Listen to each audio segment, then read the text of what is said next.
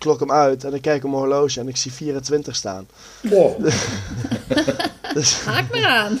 dus toen dacht ik wel van, ja, ik, ik, ik kan wel gewoon dat helemaal in die eh verzuring nog wel gewoon even zo'n flink harde laatste 200 eh, erin knallen. Dus ik ga dan niet lopen thresholden door Venetië. Dat zie je zelden bij een atleet, dat je dan het hoofd koel houdt. Van oké, ik ga het gewoon precies zo uitvoeren. Dat was echt, eh, dat was heel bijzonder om te zien. Vooral voor een atleet die een jaar geleden nog een voetballer was. En eh, ja, toen die laatste 100 meter keek ik dus naar rechts. En toen zag ik niemand. Dan zag je me op het filmpje zien me ook eerst naar rechts kijken. En vervolgens echt omkijken. Gewoon, Maar waar zijn jullie? wa- wa- waar, is iedereen? hey zus, zus, weet je al of het een jongen of een meisje is? T- tijdens een wedstrijd ging je Ja. overgeven. Tijdens de Zevenheuvelnacht, ja. Dat, dat, lijkt me, dat lijkt me onhandig. Hoe, hoe, hoe werkt dat?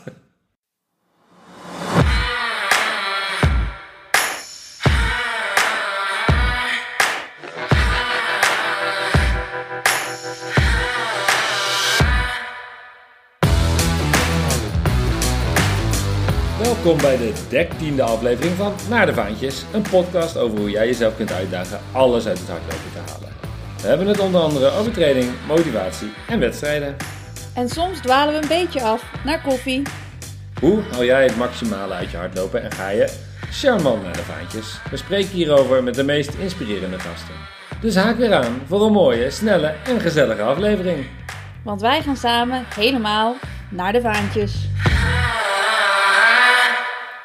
Mijn naam is Imo Muller en aan de andere kant van de lijn zit ze, net terug uit Finland, Susan Cremens. Ja, zijn we weer. Goedemorgen. Ja, goedemorgen.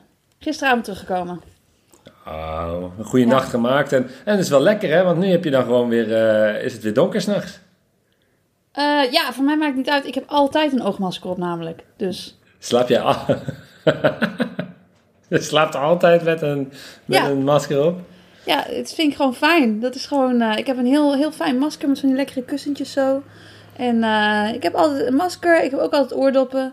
Ik heb een hele slaapuitrusting die ik, waar ik helemaal aan gewend ben. En dan hou ik het altijd hetzelfde. Maar mijn roommate had dus geen masker mee. En ik had er natuurlijk twee mee. Dus daar was ze hartstikke blij mee. Maar Ja, dat was wel nodig daar. ik moet hier nog even aan wennen. Want, hoe, want jij hebt thuis geen gordijnen en het is heel lawaaierig buiten.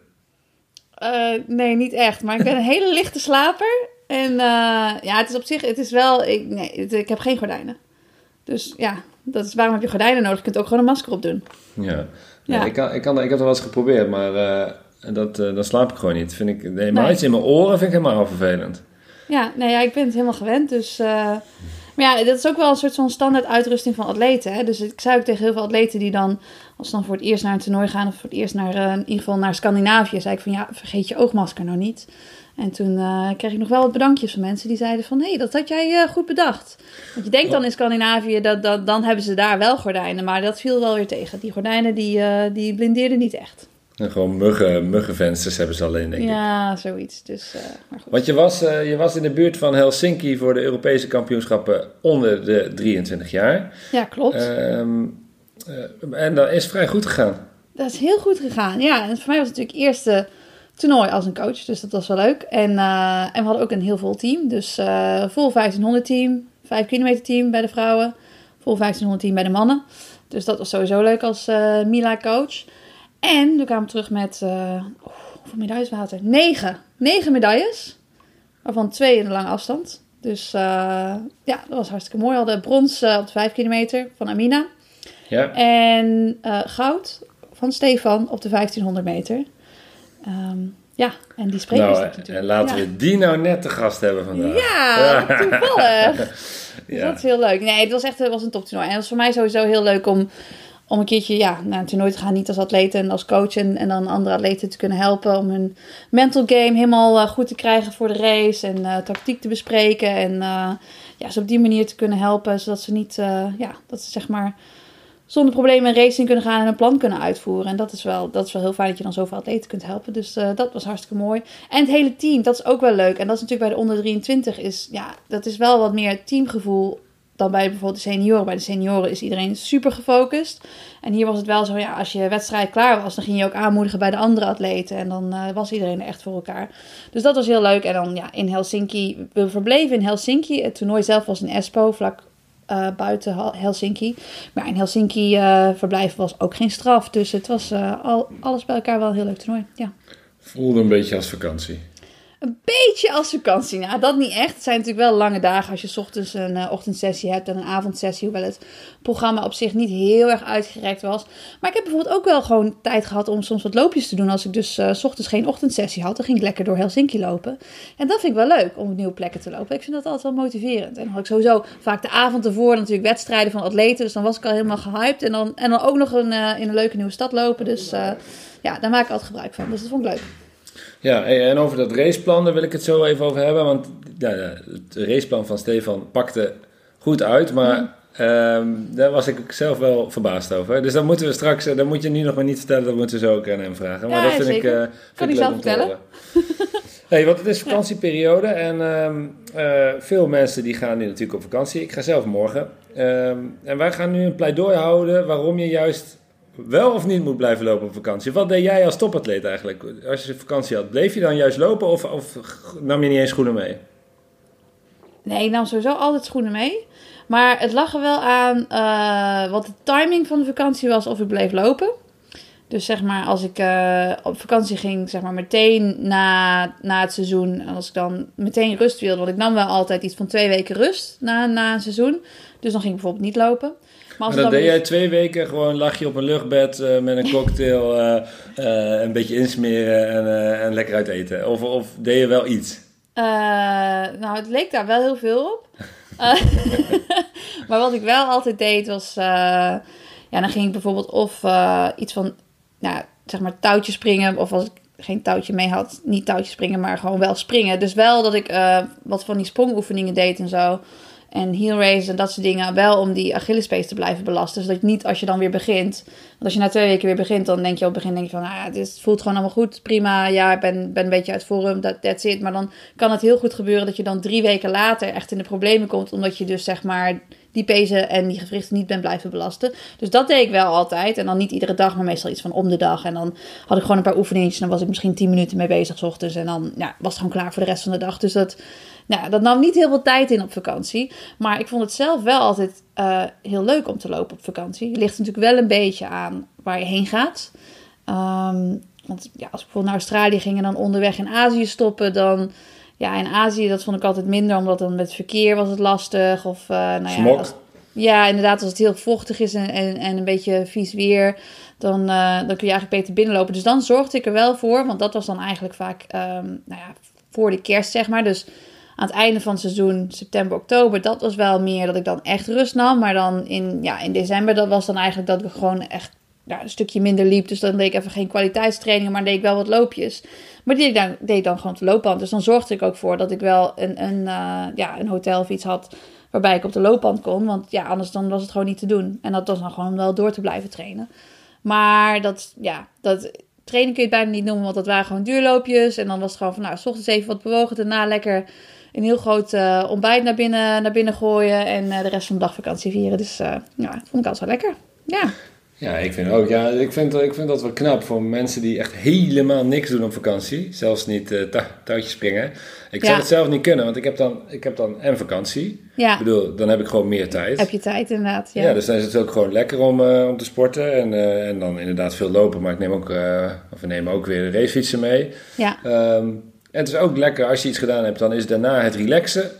Uh, of het nou aan een meertje is, of in een restaurantje, of in je hangmat, weet je, dat is... Ja, is toch iets uh, lekkerder, ja, dat ja. klopt. Ja. Het, en, uh, en je ziet gewoon veel meer, want ja, Ja. het is mooi, die, die, dat strand of het meertje of waar je bent, maar ja, je wil ook een beetje zien. Het enige nadeel is, is het kan wel echt sommige plekken echt wel lomp warm zijn, dus dan, ja, Ja. dan wil je eigenlijk lopen, maar dan moet je eigenlijk heel vroeg en dan weer vroeg opstaan, dat vind ik dan, dat Ja, past en je wilt natuurlijk ook het ontbijt, hè? Dat wil je ook niet missen. Dus ja, Nee.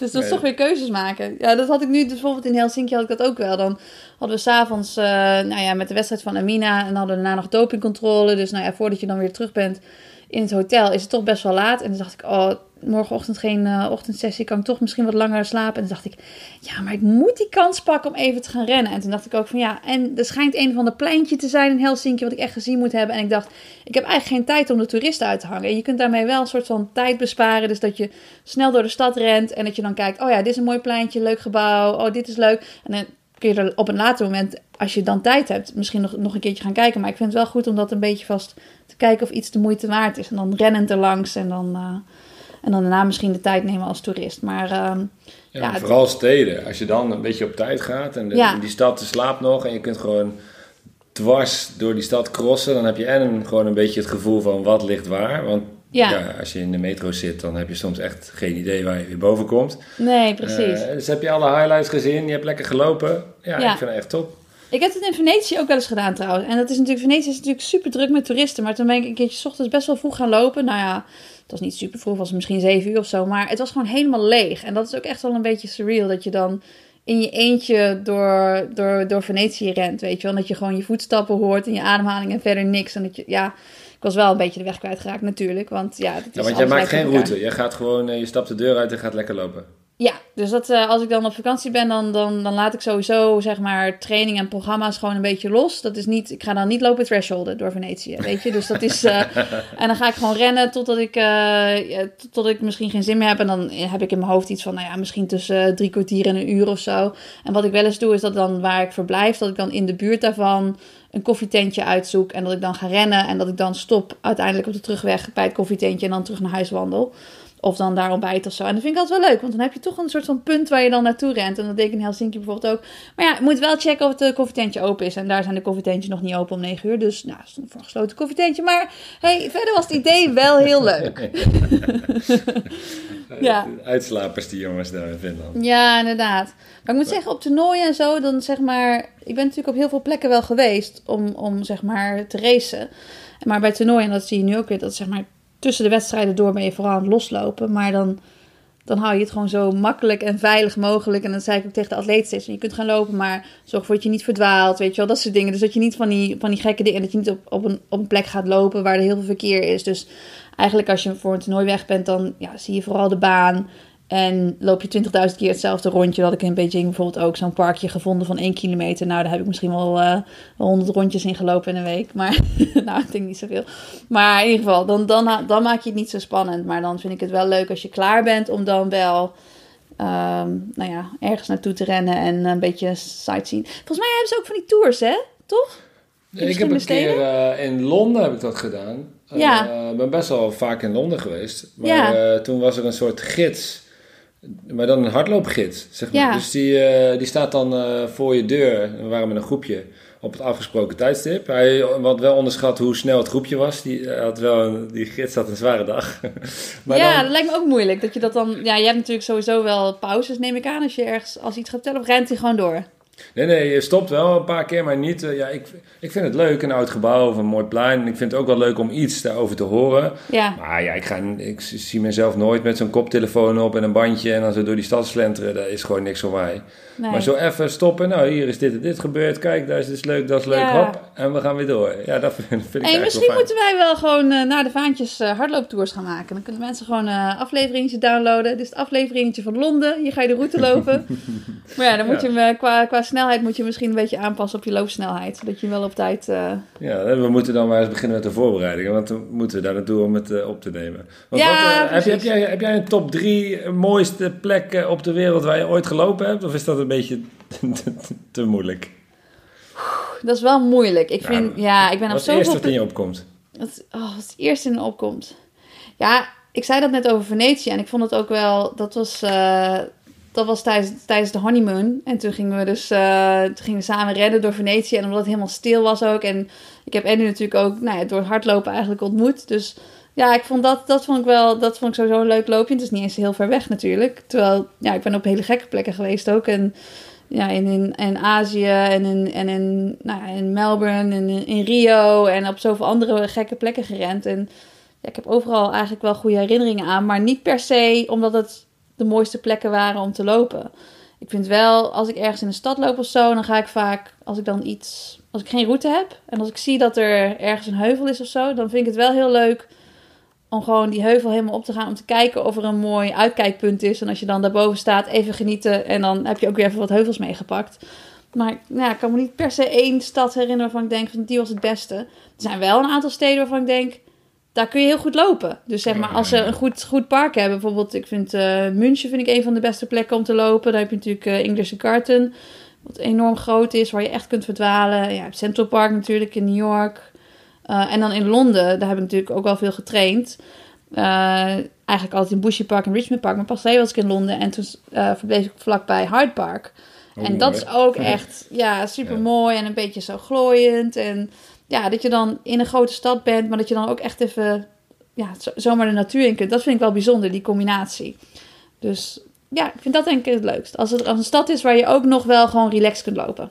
Ja. Ja. ja ik heb zelf heel lang gehad dat als ik dan in een ander land was en uh, dan had ik mezelf opgelegd. Want je doet eigenlijk alleen maar een beetje duurloopjes, een beetje onderhouden. Ja. En dan ook in elk land waar ik ben een segment te pakken. Oh, serieus? Heb jij dat? Ja, dat heb, ik, dat heb ik heel lang gedaan. oh, dat had ik ook moeten doen. Daar ben ik nu echt te laat mee. Op sommige plekken is dat moeilijk, jongen. Ik weet nog dat ik in Brazilië was. De, de, de, hele, daar heb je op zondag, is dan, zijn die grote wegen afgesloten. Dan kun je dan skaten en hardlopen en wat ik het. denk, ja. Nou, dit, als ik hier toch een segment pak, joh, dat is mooi. Ja. Maar dat is wel wat, uh, dat is wel wat uh, ambitieus. Maar het is wel leuk om op heel veel... Ik heb bijvoorbeeld... Uh, in Ecuador heb ik een segment. En ik heb een oh, ja? ja, ja, in Argentinië heb ik een segment vlakbij Salta. Ja, dat is wel leuk. Want alleen het is één groot nadeel aan. Ja. Als die wordt afgepakt. Ja. Je moet je weer terug. Ja, je, je, kunt niet. Je, kunt, je moet weer terug. Ga eens eventjes terug om... Uh, nee, dat gaat op vakantie, ja. ja. Nou ja, dat, uh, ja, dat lijkt me lastig. Ja, ik heb denk ik op te veel plekken heb ik dan toch gewoon ook nog voor de loopband gekozen. Dus zeg maar in uh, Vietnam, Thailand. En ja, nu was ik dan, dan toen ik op Bali was, toen, uh, toen had ik geen loopband. En toen ging ik wel proberen om buiten te lopen. En toen merkte ik ook wel van ja, hoe zwaar dat is in, in Azië, in, die, in dat vochtige klimaat. En, en met de drukte met het verkeer. En toen heb ik wel wat op het strand gelopen. Maar op het strand lopen, dat vind ik echt moeilijk. Dat vind ik uh, met los zand en als het niet helemaal gelijk is en zo. Ja, jij vindt het mooi? Loop je graag op het strand? Nou ja, ik vind wel het gevoel op het strand Hmm. De, de, geur en de wind en de, de vrijheid en zo. Ja. En sommige stranden zijn... Uh, in Nederland is strand best wel vaak vlak en hard. Ja, en dan is het dan echt uh, geweldig. Ja. Maar ja, weet ik het, uh, als het een beetje mul is, dan wordt het gewoon werken. En dan is het niet echt meer genieten. Dus dan is een, een, een pad gewoon door de bossen natuurlijk veel, veel fijner. Ja. Ja. Ja, ja het ligt een beetje aan wat je wil natuurlijk. Ik, ik heb, doe zelf nooit loopband, gewoon nooit. Ik haat loopband. Ja, ik ook. Eh, maar, uh, maar jij, zeg maar, door die, door die hitte en die luchtvochtigheid of heel, heel druk verkeer, dat is natuurlijk wel een goede reden. Maar jij deed ook wel uh, voor blessures, toch? Dat, zeg maar, dat je gewoon een effe ondergrond hebt, geen, ja, geen is, risico. Ja, het is natuurlijk veiliger. Dus het is inderdaad, als ik dan zeg maar in december ergens heen ging en ik heb daarna ook nog gewoon een, een tweede gedeelte van het seizoen. En dan wil je een beetje trainen. Ja, als je als je indrukverkeer of op een, op een strand gaat lopen wat niet helemaal recht is. En als je gewoon iets, iets verandert op die manier, dan reageert je lichaam er natuurlijk meteen op. Dus dan, dan is inderdaad op de loopband gewoon veiliger. Dus ja, ik vind het natuurlijk niet leuker. Ik vind het leuker om ook rond te kijken. Maar ja, bij sommige, op sommige plekken is het ook zo heuvelachtig dat je het bijna geen lopen meer kan noemen, weet je wel. Dus dan, dan kun je maar beter gewoon eventjes lekker op de, op de loopband gaan rollen dat je, dat je wel iets gedaan hebt. Maar ja, als het tempo je niet uitmaakt en als je niet speciaal ergens voor traint, dan is het natuurlijk veel leuker om gewoon rond te kijken. En gewoon lekker uh, er een toeristisch loopje van te maken en het eh, tempo gewoon helemaal te vergeten. En, uh, en niet voor de segmentjes te gaan. Geen extra druk opleggen. Nee, maar ik vind het wel leuk om van plek naar plek te lopen. Dat is wel. Uh, en dat had ik nu bijvoorbeeld in Helsinki ook. Dat ik dan. Uh, want nu wandel ik natuurlijk ook veel meer. Dus dan. Nou ja, kwam ik bij dat plein aan. Nou, ga ik even een stukje wandelen. Oh ja, is mooi. Mooi plein. Ja, is leuk, weet je wel. En toen naar een marktje gerend. En, mooi plein. Ja, mooi plein, mooi gebouw. Ja, later niet meer terug geweest, want dat was ook weer handig. Ik had gecheckt en ik dacht van ja, mensen zeggen dat het mooi is, maar ik heb het wel gezien. Dus, uh, dus ik heb er ook tijd mee bespaard. Dus ja, als je een beetje een uh, toerist met een uh, tijdsgebrek bent, dan moet je gewoon rennen de stad verkennen. Ik ben twee keer in Lapland geweest. Uh, echt, echt Noord-Noord-Zweden, op de grens met Noorwegen. En, Wel in de zomer. nou, op twee momenten. Eén keer hartje zomer, één keer hartje winter. Zeg je hartje zomer? Nou ja, midzomer en hartje winter. Op exact dezelfde plek. Ja. En dan heb je dus echt het idee dat je op ja, dat heeft helemaal niks met elkaar te maken. Het ene moment is het helemaal groen, meren, muggen. Eh, Ja. Heel veel mooie onverharde paden, echt fantastisch. En de hele Eh, nacht licht. Ja, ja, dat was ik echt. En eh, in de winter is het gewoon allemaal wit en ijs. En dan kun je gewoon over de meren lopen. Je, hebt niet eens door dat je over de meren loopt, zeg maar. En Ja. dat was ook wel echt wel heel eh, indrukwekkend. En, en fors koud. Dus, eh, Ja, dat wil ik zeggen. Want dan is het, zeg maar, weersomstandigheden op vakantie is natuurlijk sowieso vaak de warmte een probleem. Maar als het heel koud is, dan moet je toch ook echt iets over je gezicht doen om, om zeg maar te kunnen ademhalen, of niet? Heb je toen buiten gerend? Ja, zeker buiten gerend. En ook best wel lang en best wel veel kleren aan. Een gezicht, ik had volgens mij wel zo'n soort van eh, sjaal die je ook eh, over je mond. Maar dat, Ja. ja, aan het begin, als je dan naar buiten stapt, dan ben je nog even een watje. denk je zo, de knetters, dit is koud. Maar als je helemaal aan het lopen bent, dan gaat het best wel goed. Ja. Had je dan ook van die eh, dingen onder je schoenen? Van die, eh, je toch van die dingen dat je niet uitglijdt? Nee, maar ik had wel vo- een fors eh, profiel. Ja, Oh, ja nee, Ja. ging goed. Geen, eh geen Nee, ja, dus qua, qua warmte, dat is natuurlijk wel. Als mensen op vakantie gaan en gewoon warmte bijvoorbeeld niet gewend zijn. En dan, dan moet je eigenlijk wel een beetje vroeg gaan lopen. Ik heb nu bijvoorbeeld iemand die coach, die, eh, die is nu in Kuala Lumpur. En die eh, heeft daar zijn eerste training daar gedaan. Hij zei al van, eh, ja, volgens mij, volgens mij moet ik nog even acclimatiseren. Want hij wilde wel graag buiten lopen, terwijl hij wel ook een gym heeft daar. Eh, maar gelukkig zit hij er wel langer. Maar kijk, stel als je er maar een week zit, nou, dan, dan, dan gaat het je bijna niet lukken om te acclimatiseren natuurlijk. Dus dan moet je gewoon ook echt je trainingen en je tempo en je volume en alles aanpassen. Want je verliest ook zoveel vocht. Ja. Als je ook nog de hele dag toerist gaat uithangen, dan, eh, dan wordt het natuurlijk pittig. Dus dat is wel, als ik zeg maar programma's maak, dan, eh, dan ja, zorg ik er wel altijd voor dat er iets meer flexibiliteit in zit. En dat eh, mensen wat kunnen schuiven en eventueel wat binnen kunnen doen. Want dat is nog wel een uitdaging met Ja. weer. Ja. Nou, ik zit nu in, eh, in Zuid-Limburg, dus je hoeft niet per se de hele wereld rond. En hier kun je echt fantastisch hardlopen. ja, ook heet daar denk ik, hè? Stuk, stuk zuidelijker. Ja, Ja. Het zonnige zuiden hier.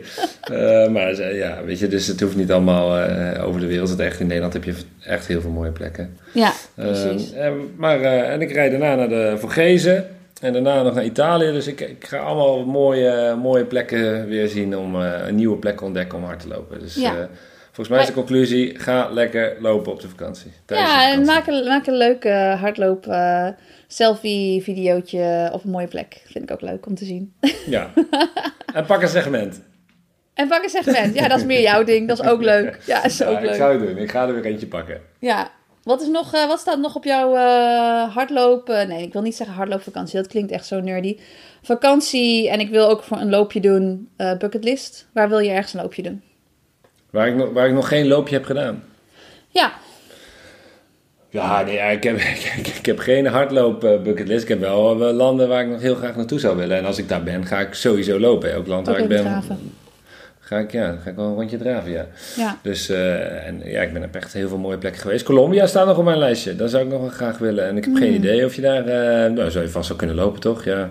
Ja, het zal, ja, het, het zal spannend zijn, denk ik. Maar het, het kan vast wel. Je kunt overal rennen. Ja. Ja, Dus nou, dan, eh, die. Maar dat is nog niet gepland. Dat gaat ook nog wel even duren, denk ik. ja, dat snap ik. Ja, leuk. Ja. Nou, en dan moeten we nu een bruggetje maken van eh, hardlopen op vakantie naar een gouden medaillewinnaar op de EK onder de 23 in Finland. Ja, die was ook even lekker op vakantie in Helsinki en toen won hij opeens een medaille. Ik ben benieuwd naar zijn verhaal. Had hij niet gepland zo. Nou, we gaan het hem vragen. Roep Stefan er maar bij. Komt hij. Nou, daar is hij, de Europees kampioen 1500 meter onder de 23 jaar. Stefan Nillissen. Stefan, goedemorgen. Goedemorgen. Jij, eh, jij eh, hebt eh, heel veel mensen doen verbazen en volgens mij ook jijzelf, of niet? Ja, ik was zelf ook wel aardig verbaasd. Ik, alle foto's die zagen het ook, maar ik, ja, ik kon het niet geloven. hey, want ehm, ja, jij bent, eh, bent 20. Eh, je wordt Europees kampioen eh, in de categorie onder de 23. Dat vind ik sowieso al eh, eh, bijzonder. Ehm, en als ik ook kijk naar de startlijsten, volgens mij was jij eh, van alle finalisten degene met op papier de langzaamste tijd. Ja, dat klopt. Ik was als laatst geplaatst. Dat, en dat wist je ook of niet? ja, dat wist ik. Ja, daarom ging je toch ook vieren toen, je, toen hij over de finish kwam tijdens de, tijdens de series? Ja, ik was, ik was veel te blij eigenlijk in vergelijking met, ja, met de finale. Tijdens de series, toen kwam ik gewoon juichend over de finish. En tijdens de finale, toen kwam ik over de finish met gewoon ongeloof. Ja, ja mooi. Ja, heel mooi. Hey, we gaan het zo uitgebreid over jouw eh, race hebben, want ehm, jullie hebben een soort van plan gemaakt. Nou, daar heb ik vragen over, want de, nou, ik, ik heb sowieso ongelijk, want het pakt fantastisch uit. Uh, maar daar wil ik het zo over hebben. Heel eventjes terug, hè, want ehm, jij woont in, in Nijmegen. Doe je al lang aan atletiek? ja, ik ben in de tweede begonnen. Toen, maar eigenlijk heb ik nooit echt op atletiek gezeten. Ik ben direct eigenlijk begonnen met hardlopen. Er was een, een scholenwedstrijd, Mission Olympic. Daar deed ik mee. En toen ging het opeens eigenlijk best wel goed. Toen werd ik tweede. Maar het was regionaal, dus we dachten ja, niet heel speciaal. En toen vervolgens gingen we de nationale weer, dus eigenlijk het scholen-NK in. En toen werd ik weer tweede, achter dezelfde. En ja, uh, ja toen had ik wel door, oké, ik kan dit wel. En toen mhm. was ik ook gevraagd voor Zevenheuvelen. En, uh, voor Team Zevenheuvelen? Voor Team Zevenheuvelen. Ja. En toen ben ik dus een team gejoind. Ja. Want uh, je zegt in de tweede, dus helemaal even, dan ben je een jaar of, of, of 13, 14 of zo. Uh, ja, 14 dacht ik. Want, want, want je deed al wel iets aan sport? Uh, ja, ik deed voetbal, tennis. Ik was veel aan het sporten überhaupt, ja. Dus jij was gewoon zo'n zo voetballer die een keertje meedeed en iedereen, iedereen omverliep? Ja, precies. Ja, precies. Want als je hem ook ziet, uh, jij doet nu nog steeds, hè? hij traint ook heel vaak in een voetbalbroek, vind ik mooi. En dan uh, hou je gewoon lekker de toppers bij uh, in, in, je voetbalbroek. Helemaal niet aerodynamisch. Dan zou je ook het liefst een race als het kon, toch? ja, helaas was de voetbalbroek geen deel van de Essex Nederland kit, maar anders... dat, gaan we voor de komende toernooien, daar zijn we serieus mee bezig trouwens, om te regelen dat dat onderdeel wordt van de wedstrijdkit. Want uh, de werpers willen ook graag, want we krijgen wel zo'n soort van voetbalbroek. Die willen daar ook graag uh, hun wedstrijden in doen. Dus uh, gaan we voor je regelen. Komt goed. Helemaal goed. maar tot, tot wanneer heb je eigenlijk nog gevoetbald? ik ben, denk precies een jaar geleden, heb ik denk mijn laatste wedstrijd gespeeld. Ja. toen, vlak voordat ik naar Kali ging, het WK, toen ja, was mijn seizoen afgelopen. Toen had ik mijn hele jeugd van voetbal doorlopen. Toen moest ik naar de senioren en toen had ik pas de beslissing gemaakt van ik ga volledig hardlopen. Dus in een jaar eigenlijk van voetballer naar Europees kampioen? Ja, eigenlijk wel. Dat is een lekkere progressie. Best wel een mooie progressie. Ik had nog wel een vraagje, want je werd dus twee keer tweede. Was, was die, die nummer 1, was dat Niels Laros? Of wie, wie, wie, wie, was die nummer 1? Nee, die nummer moeten we die ook recruiten? Die nummer 1 was Teun te Haar, ook uit Nijmegen. Ah. Oh, ja, en die ging natuurlijk ook naar het WK toen. Ja. Ja, precies. Ja, en daar train je nog steeds mee, toch? Uh, ja, nu was hij even reizen. Alleen de afgelopen maanden train ik nu met uh, de nieuwe groep bij Thomas Lewandowski en Suzanne. Ja, want, want je bent uh, hoe lang geleden overgestapt naar de groep op Papendal? Ehm, midden maart, als ik goed zeg, gingen we naar Flagstaff. Daar was eigenlijk was daar de eerste maand in Flagstaff was even kijken, is dit iets voor mij, past dit bij mij? Hebben daar gewoon uh, ja, gekeken, getraind en gekeken, dan past dat erbij. En vervolgens, uh, toen we terugkwamen, toen is eigenlijk de beslissing uh, definitief geweest van ja, oké, dit past bij mij. En, en hoe, hoe, hoe zo past het bij jou? Waar, waar, hoe beoordeel je dat? Is dat een gevoel of is dat een, een lijstje? Of hoe... Ehm, vooral van eigenlijk twee factoren is, heb ik het gevoel dat de training werkt en is de groep leuk. En ja, de training die werkte. Ja. het ging allemaal goed. En de groep is ook gewoon echt top. Allemaal hele goede atleten en allemaal hele leuke mensen. Dus dat helpt natuurlijk ook. Ja, haal je daar veel energie uit? Dat je dan samen met, met de jongens kunt trainen en uh, nou ja, dat je gewoon kunt aanhaken in een gezellige groep? Ja, daar haal ik heel veel energie uit. Ik vind het belangrijkste ook wel dat ik het plezier ook behoud. En omdat, ja, dat, uh, daar helpen ze ook bij. Dus dat uh, ja. vind ik goed. Was, dat was echt mooi om te zien trouwens. Want in, uh, hij zegt eventjes uh, van ik ging in maart ging naar Flagstaff. Maar toen uh, ging hij dus mee met zijn voetbalbroek ook. En toen gingen we daar die eerste trainingen doen. Het was zo van ja, we weten nog niet zo goed wat Stefan eigenlijk kan. Dus, dus loop maar een beetje mee. Kijk maar hoeveel, hoeveel duizendjes je mee kan doen met de jongens. Misschien niet alles, misschien de helft of drie kwart of zo. En toen die laatste raps liep hij daar nog steeds in die groep. Gewoon met die jongens die echt al gewoon naar allemaal toernooien zijn geweest en zo. En toen dacht ik, ja, En hij is ook helemaal niet moe. Hoe kan dit eigenlijk? En toen gingen we nog even lactaat meten. Want we denken van ja, misschien ziet hij er van de buitenkant heel relaxed uit. Maar gaat het in, in het systeem eigenlijk niet goed. lactaat is ook heel... We begrepen er echt helemaal niks van. Dus uh, ja, ik, weet niet. Jij zegt nu, ik heb mezelf enorm verbaasd uh, tijdens het EK. Maar heb je jezelf op zeg maar eerdere momenten in trainingen ook al verbaasd? Of laat je het gewoon gebeuren en heb je zoiets van ja, zo is het? Um, ja, ik was eigenlijk, ik voordat ik erbij kwam, was ik uh, een wel een beetje bang van, oké, dan kom ik straks die baantraining. En dan heb ik eigenlijk geen zin om dan steeds dat zij hebben zo'n heel programma en dat ik dan maar 80% hoef te doen. Zodat de hele tijd dat zij dan duizendjes moeten doen en dat ik na 600 meter uitstap. Dus ik dacht eerst wel even van oké, hopelijk kan ik wel gewoon alles mee. Dus ik was wel gewoon blij dat eigenlijk ik gewoon alle trainingen volledig mee kan doen en gewoon echt volledig bij de groep kan horen. Mm -hmm. Dus daar was ik wel heel blij mee, ja. Ja, oké.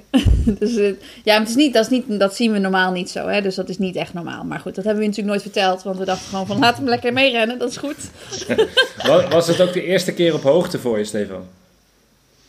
Uh, nee, ik was in oktober was ik voor het eerst. Vlak voor het crossseizoen was ik in St. Moritz. En dat was mijn eerste keer op hoogte. Oh ja. Dus wel okay. in één jaar. Uh... Maar nu heb je wel heel veel hoogte gedaan natuurlijk. Want uh, Flagstaff, en toen Fontemeu en toen St. Moritz. Mm -hmm. denk je dat hoogte voor jou belangrijk is om, om hard te lopen? ik weet nog niet helemaal precies of de hoogte het allemaal precies -hmm. Maar in ieder geval de, het, de focus die je wel op zo'n trainingskamp op hoogte hebt. Ja. Die zorgt er in ieder geval wel voor dat je, ja, je kan gewoon volledig focussen op, trainings, op trainen, rusten. Ja. En voor de rest heb je niks aan je hoofd. En dat helpt mij in ieder geval wel. Ja, denk je dat dat focus, dat dat, dat, dat zeg maar iets is waar je dan... Ja, wat een grote uitdaging voor je is als je thuis bent? Um, in de mate wat, hoeveel we trainen op trainingskamp, denk ik wel. Want ja. uh, als we thuis zijn, dan trainen we niet zo heel veel twee keer per dag. Maar daar natuurlijk wel.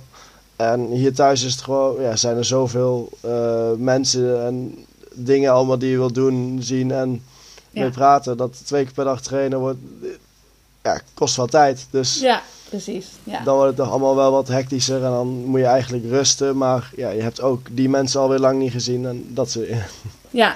Wat doe je naast... Uh... Uh, naast heel hard lopen, ook nog, uh, wat, ben je nog aan het studeren of wat doe je daarnaast? Uh, ja, ik doe sportkunde op de Han in Nijmegen. Ja.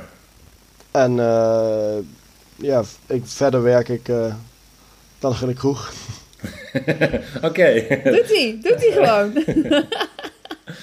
Mooi, nou, daar moeten we het misschien ook nog een keer over. Hey, ik zeg ja. even, je, hebt dus, je was dus voetballer. Toen uh, deed je die scholierenwedstrijden. Nou, een paar jaar later ben je op hoogte. En dan kwam uh, Nijmegen, of de Next Generation Athletics. Dat was de eerste keer dat ik je live in actie zie. Trouwens, voordat ik daar naartoe ga, die, die fanclub van je op de tribune, was dat dan je oude voetbalteam? Of wat, wat ja, was dat? Was, dat, dat? Dat was wel leuk. Een paar van mijn oude voetbalteam waren er ook bij, ja. Maar het was uh, familie, vrienden, iedereen uit Groesbeek het was, uh, het was top. Die we... ja, de grootste fanclub. Dat was ja. dat was mooi. Ja, dat viel ja. wel echt op. Vond ik mooi. Ja. Maar toen, uh, op die dag liep je voor het eerst onder de 3 minuten en 40 seconden. Mm -hmm. uh, en met die tijd plaats je je ook voor, voor Finland. Maar, ja, was dat in de lijn der verwachting of, of hoe, hoe, hoe ging jij die race in? Ehm, ja, het was wel in de lijn van de verwachting, ja. Want de hele opbouw was eigenlijk voor we willen natuurlijk pieken bij het EK. Maar ja, we moeten wel gewoon een goede tijd lopen. Want het was gewoon, er waren vier mensen die het limiet hadden. Alleen er mochten er maar drie gaan. Dus ik moest wel even laten zien dat ik sowieso bij die top beste drie hoorde. Dus ja, dat was wel even hard werken. Dus ik was ook best wel nerveus eigenlijk voor die wedstrijd. Maar ja, toen gingen, gingen we daar en toen ging het heel goed. Dus. Ja, dat is natuurlijk dat je dan met die trainingen, zoals je zegt, dat je dan piekt uh, bij het EK. Uh, dan heb je niet zoveel momenten voor NGA dat je je ook goed voelt in races. En ik weet nog dat je, dat je in Leiden stond en dat, het, uh, dat de race niet zo ging als je wilde. En dat je, ik kon merken aan je van, nou ja, dat, dat, dat, ik wil me gewoon een keertje goed voelen. En dat ik zei van, ja, trust the process. Vond je dat moeilijk? Of zeg maar, go, zeg maar voor NGA had je het gevoel van, nou ja, ik weet eigenlijk niet hoe ik ervoor sta of ik het kan doen? Of had je zoiets van, nee, ik geloof erin dat dit proces zo goed gaat en ik ga het vandaag gewoon doen? Ja, ik, ik geloofde er sowieso wel in. Alleen, ik vond dat wel moeilijk, ja. Want ik zat in Leiden en toen had ik dus nog, eigenlijk nog niet echt het limiet. Ik had hem dan wel, maar ik was de vierde tijd. Dus ik was me nog niet officieel geplaatst. Mhm. Maar toen vervolgens dus een leider ging met 800 toen. En toen had ik dus zelf ook even in mijn achterhoofd van als ik nou hier dan het limiet al loop, dan heb ik me in ieder geval geplaatst. Mhm. Maar toen, eh, ja, de trainingen waren nog steeds best wel zwaar. En ook gewoon dat ik niet eens één keer, volgens mij diezelfde week, dat ik mijn training niet eens volledig af kon maken. Omdat die, eh, ja, die moesten gewoon iets aanpassen, want dat was gewoon heel zwaar. Mhm. En toen vervolgens gingen we dus Leiden in en ging ik dus die wedstrijd in met hele zware benen. Dus mijn idee van, zou ik hier voor de 800 misschien het limiet al kunnen lopen zodat ik mee kan? Ja, dat was weg. Ja, ik voelde me natuurlijk, ja, de benen voelden niet lekker tijdens de wedstrijd. nee. Nee, maar het is wel knap dat je dat dan uiteindelijk, dat je dat toch om weet te zetten in je hoofd. En dat je dan mentaal toch, nou ja, dat je het voor elkaar krijgt om erin te geloven op het moment dat het ook belangrijk is. Zowel bij NGA en eh, bij het EK natuurlijk ook. Dat laat wel zien dat je natuurlijk mentaal heel sterk bent. Eh, denk je ook dat zo'n wedstrijd als Leiden je dan zeg maar heeft voorbereid op nou ja, een uitdaging van een race en misschien niet alles onder controle hebben en dat je dus nu het EK wat nou ja, inging zo van nou ja, ik moet me goed voorbereiden en een plan hebben eh, en, en geloven dat dat ook gaat lukken. Ja, ik denk het wel. Vooral ook, ja, ik voelde me dus dan slecht. En toen gaat de race natuurlijk zelf tactisch gezien voor je gevoel ook minder. Mhm. En ik had daar ook wel door, op een gegeven moment toen de laatste 100, toen dacht ik daar nog wel van oké, ik ga vol voor die eindsprint. Maar toen zat ik aan de binnenkant en helemaal ingesloten. Ja. En dat was er nog wel even gewoon zo'n realisatie van ja, het, ging dan niet alleen slecht, ik zit ook nog tactisch slecht. En toen liep het gewoon allemaal niet. Maar wat ik wel gewoon weet van ja, als je aan de binnenkant zit en je wordt zo ingesloten, dan is er ook geen voorbijkomen aan. Precies. Ja. Nou, dat ging bij het EK wel even anders. Precies. Ja, want toen, eh, wat was, eh, we weten, sp- spoiler, we weten hoe het afloopt. Maar voordat je die, eh, die EK inging, was het zeg maar, wa- wat was jouw doel? Waar, met wat, wat, wat voor idee ging jij naar Finland? Eh, eigenlijk alleen om Eerlijk te verrassen. zijn, hè? Ja, om te verrassen. Want ik, ik voelde me dus dan goed. En ik wilde gewoon laten zien eh, wie ik was. En dat ik gewoon in ieder geval mee kon doen.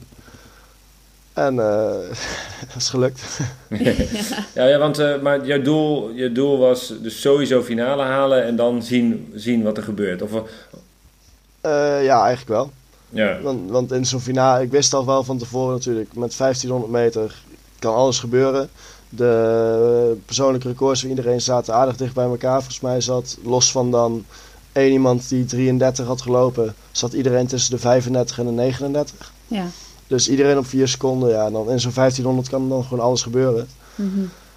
Dus ja, ik, ik wist gewoon dat als je daarbij zit, dan kun je verrassen. En eh, dat was dus ook het doel.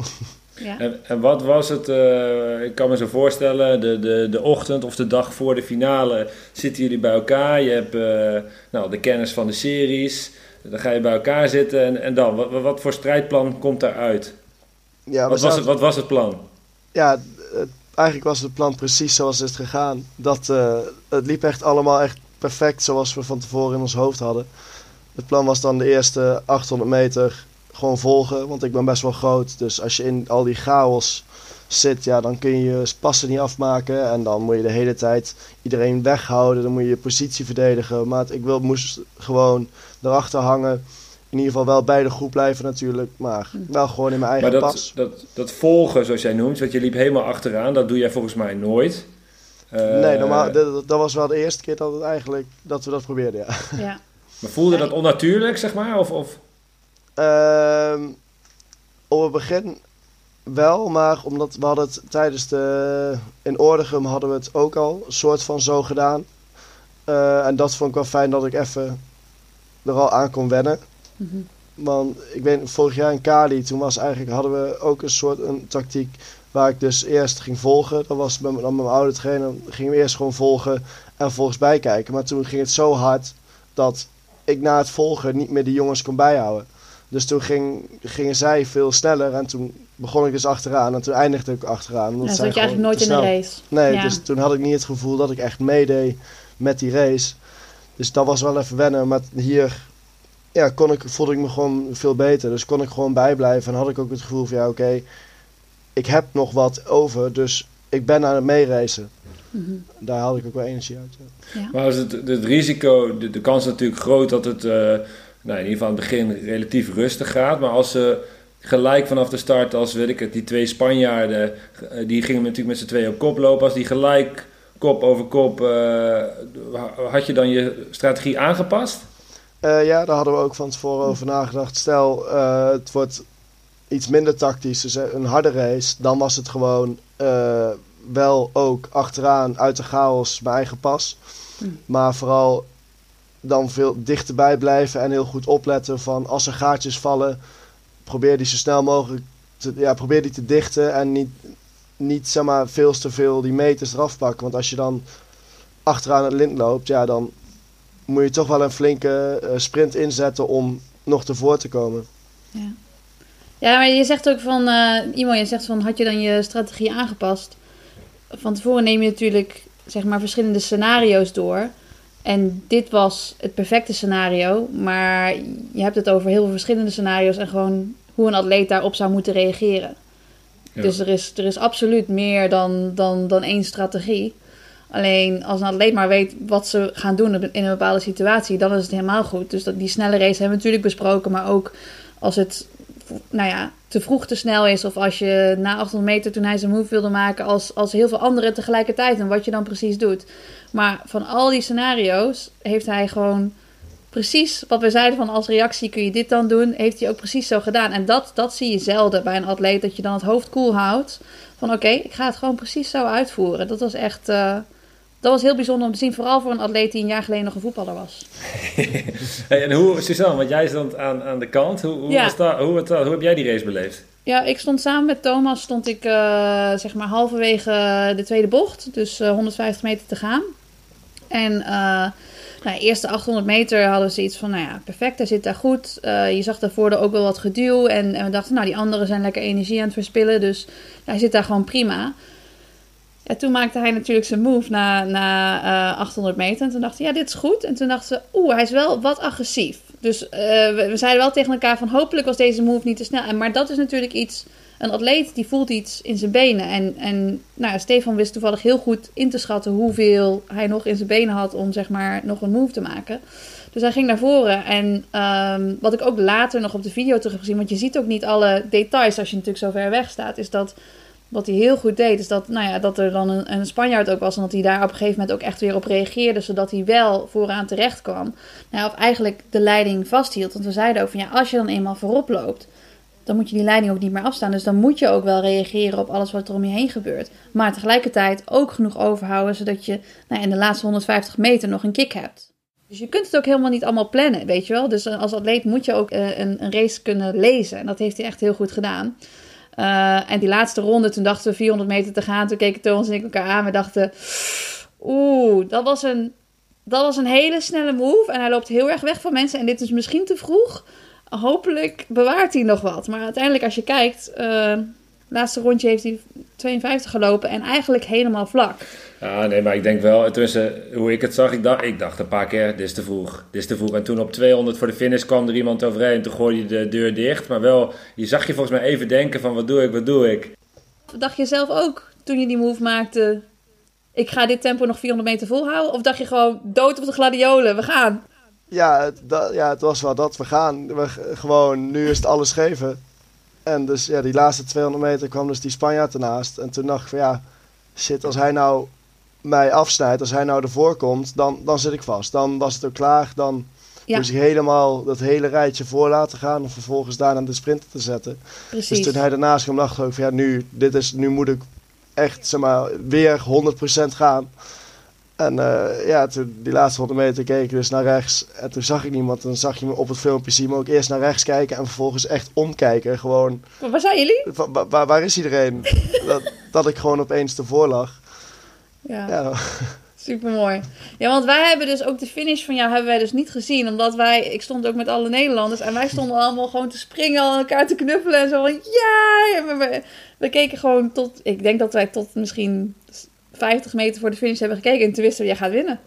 Dus, en we weten ook niet wie de tweede, tweede en derde zijn geworden. omdat dat hebben we gewoon helemaal gemist, moest ik laten opzoeken. Um, Ja, en wat wel interessant is, die jongen die, eh, die inderdaad 3, eh, 33, volgens mij heeft hij ook al een keertje 332 gelopen vorig jaar. Ehm, die valt gewoon buiten de medailles. Dus dan zie Ja, je dus vierde, ook van, ja, een snelle tijd en racen, dat zijn hele andere dingen. En ik ben natuurlijk altijd meer van het racen geweest dan van eh time trials lopen. Maar ik vind dat toch prachtig, dat er op papier kan er van alles staan en die race moet nog gelopen worden. Dus Ja, dat is mooi van te doen. Ik had nog wel een vraagje, want ik moest dus, ik zei net al eventjes dat eh, na, na, de, weet ik het, na 200 meter kwamen die twee Spanjaarden met z'n tweeën op kop. Hmm. Eh, jullie waren ook met z'n tweeën.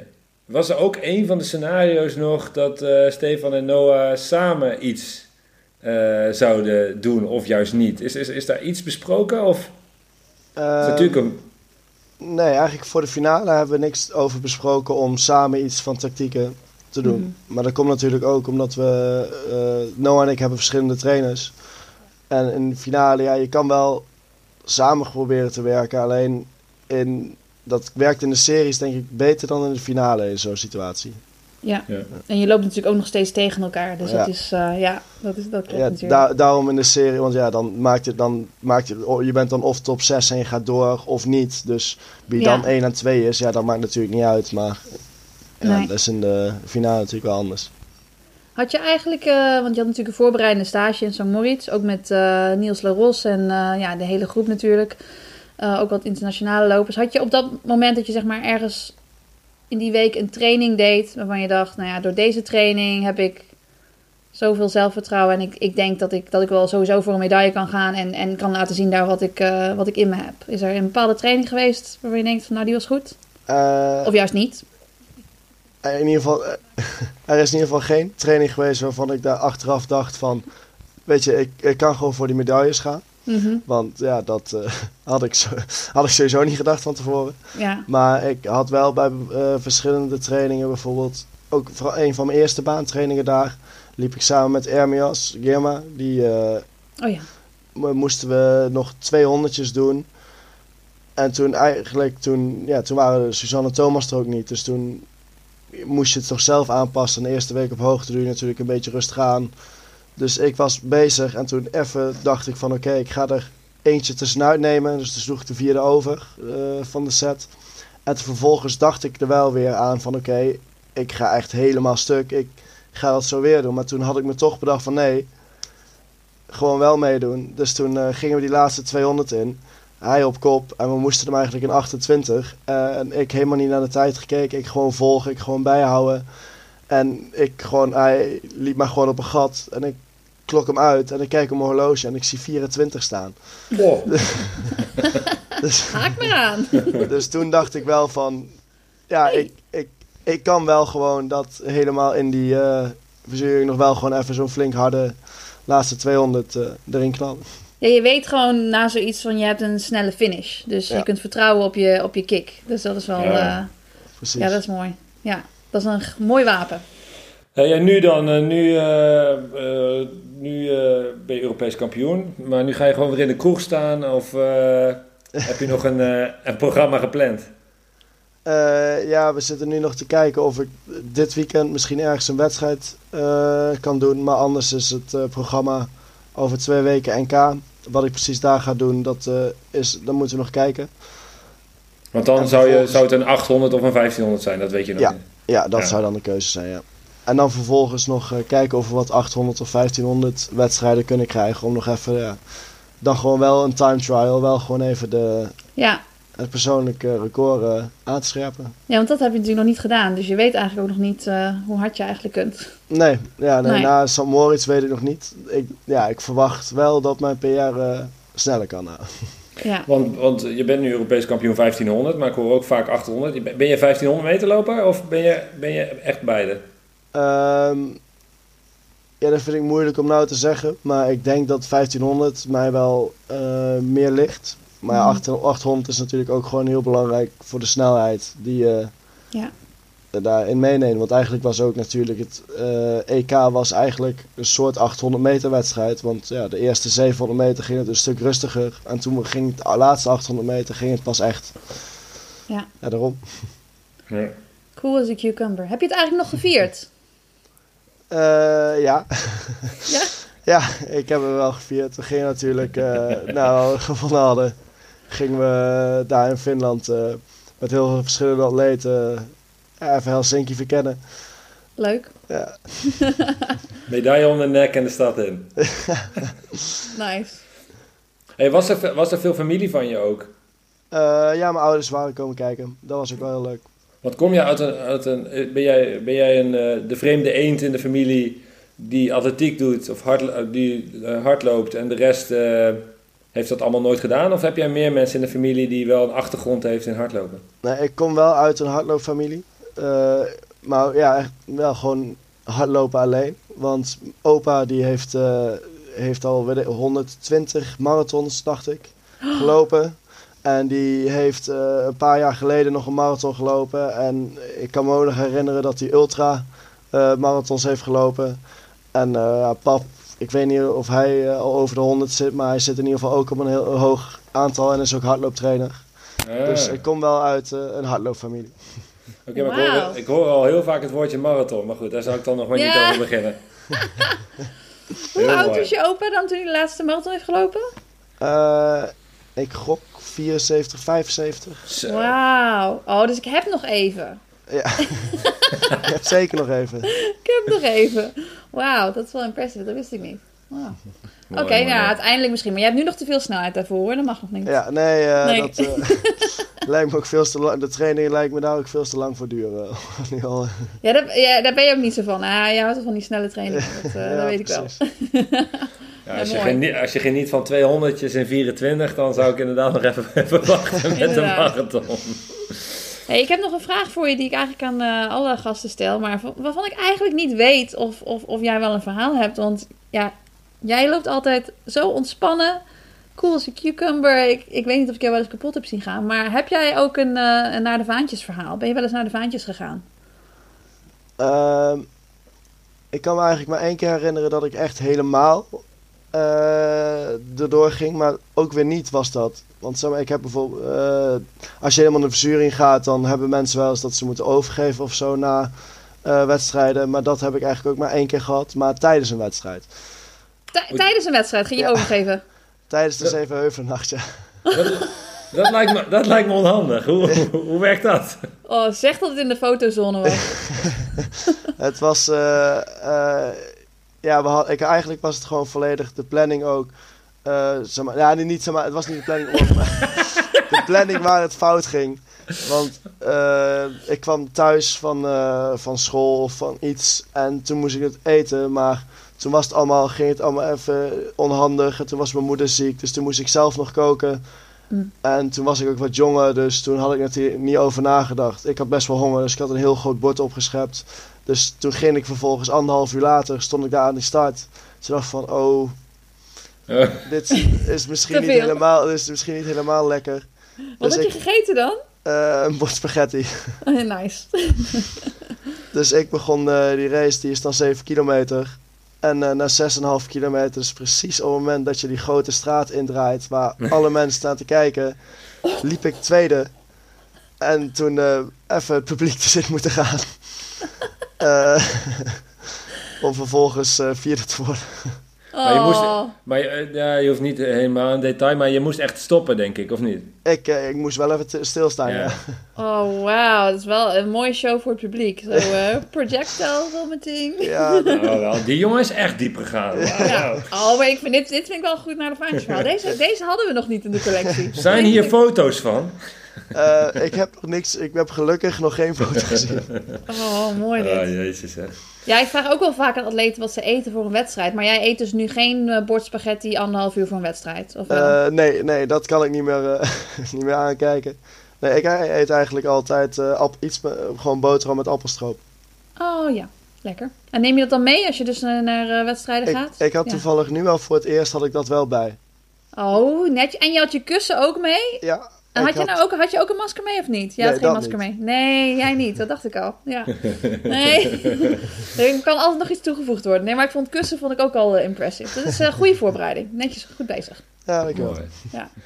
Nou, heel leuk om te horen, Stefan. En uh, ik ben benieuwd waar we jou dit jaar nog al dan niet naar de vaantjes op de baan gaan zien. Ja, hopelijk snel. Ja, succes. Dank dat je aanschoof. Geniet Ja, je mag volgens mij, eh, heb jij de unieke eer om twee keer eh, EK onder 23 te doen, of niet? Ja, dat klopt. Dus je kunt je titel verdedigen, wat bijna Ja. nooit iemand kan, denk ik. Ik, eh, ja, ik mag mijn titel gaan verdedigen over twee jaar. En dan krijg ik volgens mij ook zo'n speciaal startnummer. Ja, En ja, dan mag ik... eh, ja. dan ben ik geen underdog. Nee, in principe was deze ook gewoon om ervaring op te doen. Maar we- ja, we bedoelden niet echt ervaring opdoen eh op het hoogste treedje van het podium. Maar ja, netjes. Dus eh, kun je straks eh, kun je hem gaan verdedigen. Hartstikke leuk. Gaaf. Ja, Oké, nou, dat, eh, dat was hem. Dankjewel. dankjewel. Ja, bedankt. Oké, doei doei. Hoi. Zo, dat was eh, Stefan, Gouden Stefan. Leuk. Van voetballer naar Europees kampioen. Misschien moet je een, ha- een handboek uitbrengen. In één jaar van eh, linksbuiten naar eh, triomf. hey, ehm, wat wordt jouw eerste loopje in het buitenland? Oeh, dat wordt in Jeruzalem. Want Oeh. ja, ik ga naar het EK 120. Eh hebben we een mooi team daar. Dus eh, dat is eh, in augustus. Het wordt wel een beetje warm. Ik denk dat ik mijn tempo en waarschijnlijk ook de tijd van de dag dat ik ga lopen moet aanpassen. En als ik heel veel pech heb, dan hebben we natuurlijk morning- en avondsessies. En dan moet ik midden op de dag lopen. Dus Oh. dan wordt het misschien een loopbandje. Ja. Eh, ben je best geweest of niet? Ja, ben er geweest.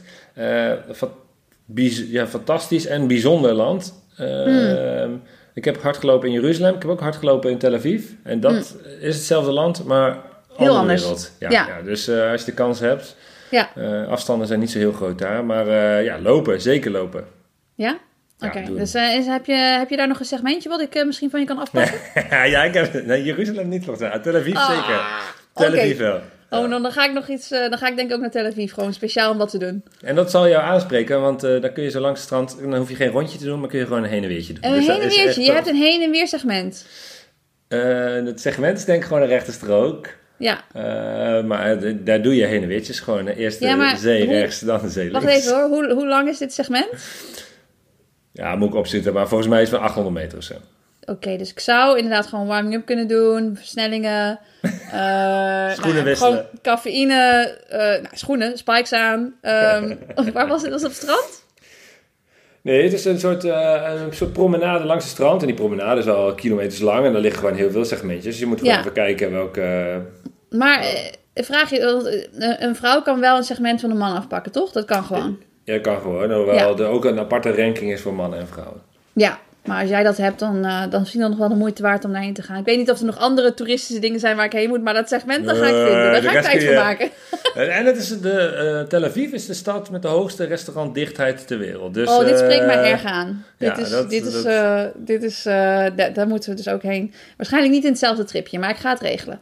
Ja, Komt goed. Nou, heel veel Ja. plezier. En Jeruzalem moet je, ja, de, de weet je, maar eh, alle, alle bekende hotspots moet je ook echt zien, want dat is echt wel bijzonder. Ja, we zijn daar ook wel iets langer, dus hopelijk heb ik dan wat meer tijd. Dat is, eh, maar goed, eerst natuurlijk de, de wedstrijden allemaal, dus... eh, Avondje klagen. Ja, inderdaad, precies. hey, eh, en waar ga jij je volgende segmentje pakken? Of, of ga je dan weer terug naar Jeruzalem om hem dan weer terug te, televisie Ja, terug te nee, pakken? ik maak er me geen zorgen om. Maar Nee. nou ja, nee, we gaan eerst naar de Vergezen dus. En daar komt de Tour langs. Dus we Oh, gaan ja? een dagje, als het zo spannend blijft, dan eh, die etappe in de Vergezen is mooi. Dus dan eh, kan ik ook een stukje lopen. Dus misschien ligt er wel eens een segmentje op de Petit, Petit Ballon. Ik ga eens even kijken. Lijkt me Oké. een mooi doel. Nou, sterkte ermee. Ja, nou was mooi. Zo zijn we aan het eind gekomen van de dertiende aflevering van Naar de Vaantjes. Dank aan onze gast, Europees kampioen Stefan. En dank aan alle luisteraars voor het luisteren. Ook namens Suzanne. Blijf luisteren en lopen. Hoi hoi! Hoi! hoi, hoi.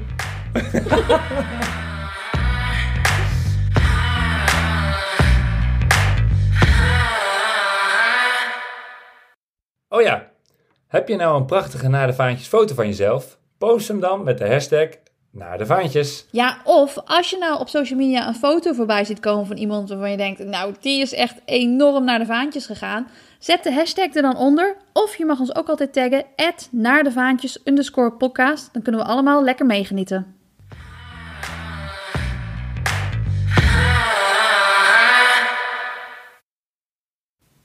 Hebben we het daar nog niet over gehad? Oh nee, Nee, daar hebben we nee, het niet over gehad.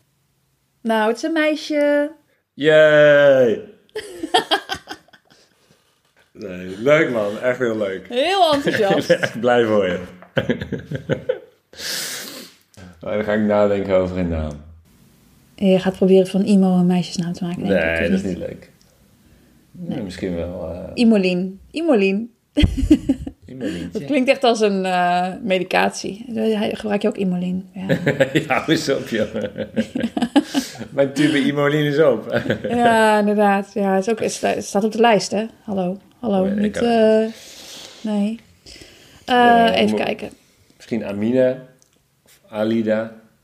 Oh, ja, ja, er zijn wel natuurlijk wel veel leuke namen. Lieke, Lieke. Of Paula. Misschien wel. Ehm, uh, niet